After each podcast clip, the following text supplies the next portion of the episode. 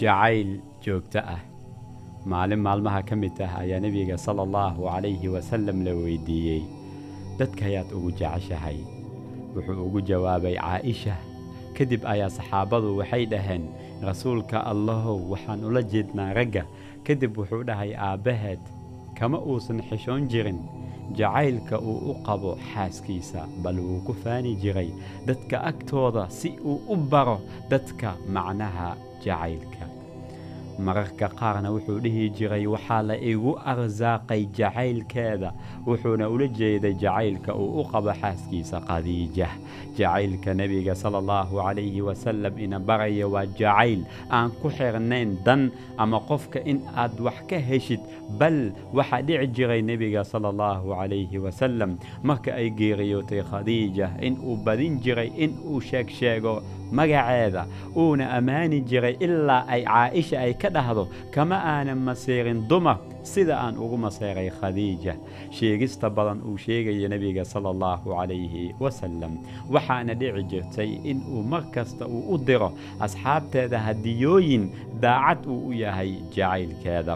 Guri kasta oo raadinaya liibaanta guurka waa in ay bartaan kuna daydaan nebiga sala allahu calayhi wasalam si ay u noqoto gurigooda guri farxad badan xilli ay ku badatay bulshadeenna furniinka iyo khilaafaadka. Soo dhexgalo lamaanaha. Waxaad ka baranaysaa habdhaqanka nebiga sala allahu calayhi wasalam sida aad gurigaaga uga dhigi lahayd guri ku dhisan jacayl iyo wehel isgarab taagan. Sida aad u raaligelin lahayd lamaanahaaga una dareensiin lahayd kalsooni iyo naxariis.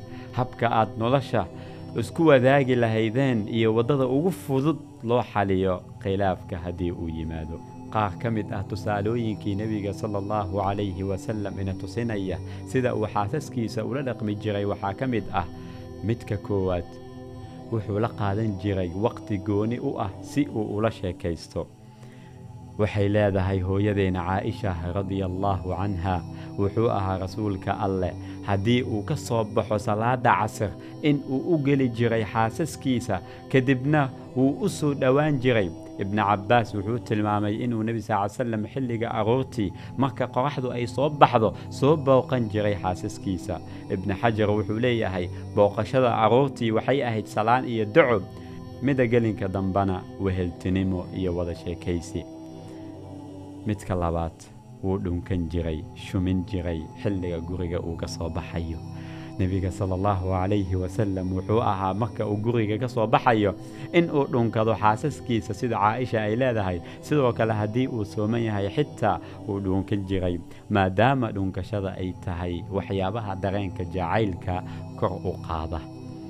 Midka saddexaad biyaha wuxuu ka cabi jiray meesha ay ka cabto. Caaisha radia allaahu canha waxay leedahay wuxuu ahaa nebiga sala allahu calayhi wasalam in uu ka cabi jiray biyaha meesha aan anigu ka cabayay ee uu afka ii saarnaa. Sidoo kale xadiis kale waxay leedahay wuxuu ka goosan jiray hilibka meesha anigu aan ka goosto. Wuxuu muujin jiray jacaylka xaasaskiisa uu u qabo xitaa cuntada iyo cabitaanka taasina waa raadka wanaagsan ee jacaylka lamaanaha aan weligiisa titirmayn. Midka afaraad wuxuu la qubaysan jiray xaasaskiisa. Nebiga sala allahu calayhi wasalam noloshiisa dhinac kasta marka aad ka fiiriso waxaa ka arkaysaa jacaylka tan ugu dhammaystiran.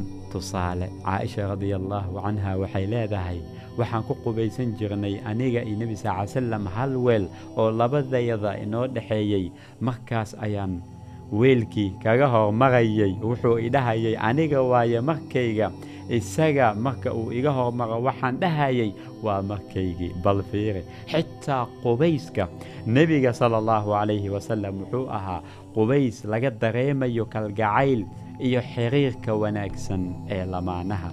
Midka shanaad wuxuu u kaxayn jiray casuumadda loogu waco maalin maalmaha ka mid ah ayaa nebi sal salam nin daraskiisa oo si fiican u samayn jiray maraqa.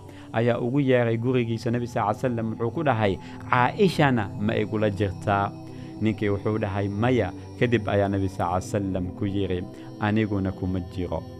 Ilaa markii dambe uu ku yidhi haa kadib ayaa nebi sal salam iyo caa'isha gurigiisa ay u soo raaceen. Midka lixaad wuxuu ka masixi jiray ilinta marka ay oyso xilli ay ku guda jiraan nebi sal ly slam iyo xaasaskiisa safar. Ayaa hooyadeena safiya radia allaahu canha ka xanuunsaday geelkeeda wuxuuna ahaa geelka ay aad u jecleed. Mar kastana way ku safri jirtay. Kadib ayaa nebi sal salam u yimid waxaana loo sheegay arrintii kadib way oysay. Markaas ayaa nebi sal salam gacantiisa ka masaxay ilinteeda. Nebi sal salam ma uusan xaqirin dareenkeeda iyo sababta ay u oynayso midka toddobaad. Wuxuu u ahaa xaaskiisa wehel iyo saaxiib. Caaisha radiallaahu canha iyada oo gudanaysa waajibaadka xajka waxaa ku dhacday caado. Markaas ayay aad u murugootay ilaa ay ka oyso kadib ayaa nebi sal salam u yimid. Wuxuu ku dhahay caado miyaa kuugu dhacday? Kadib ayay dhahday haa. Kadib ayaa nebi sal salam ku yidhi isaga oo qalbigeeda dejinaya arrinkani waa arrin alle uu ku waajib yeelay dumarka bini'aadamka ee sameey wuxuu samayn jiray xaajiga qofka xajka gudanaya. Waxaan ka ahayn in aad ku dawaafto kacbada bal uu fiirso nebi sal salam markii uu u yimid ma uusan weyddiin maxaa kugu dhacay? Balse wuxuu ku dhahay caadamiya kugu dhacday. Wuxuu ahaa mid la socda xaaladaha xaaskiisa. Intaas kadib niyaddeeda ayuu dejiyey. Murugtiina wuu ka saaray midka siddeedaad wuxuu qayb ka qaadan jiray howsha guriga. Caaisha radiallaahu canha ayaa waxaa la weydiiyey nebi sal ly salam muxuu ka samayn jiray gurigiisa. Waxay ku jawaabtay wuxuu ahaa qof u taagan shaqada reerkiisa. Axaadiista kale waxay tilmaameen in uu ahaan jiray nebi sal ly salam mid dharkiisa hagaajista kabihiisa nadiifista arigiisa caanaha ka lisa ehelkiisa danahooda u taagan.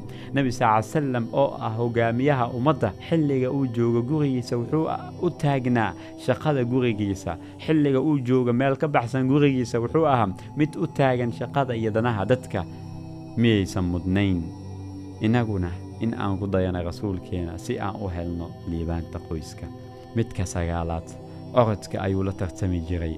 Wuxuu ahaa nebi sal ly salam mid la ciyaara xaasaskiisa. Mararka qaarna wuxuu la geli jiray tartan orod ah. Sida caaisha ay inoogu sheekaysay tartan orod dhex maray iyada iyo nebiga sala allahu calayhi wasalam waxa ay leedahay waxaan ahayn aniga iyo nebiga safar. Waxa uu iga codsaday in aan orod ku tartanno. Waan tartannay waana ka guulaystay muddo kadib ayaa nebi sal ly salam haddana mar kale iga codsaday in aan tartanno kadibna wuu iga guulaystay.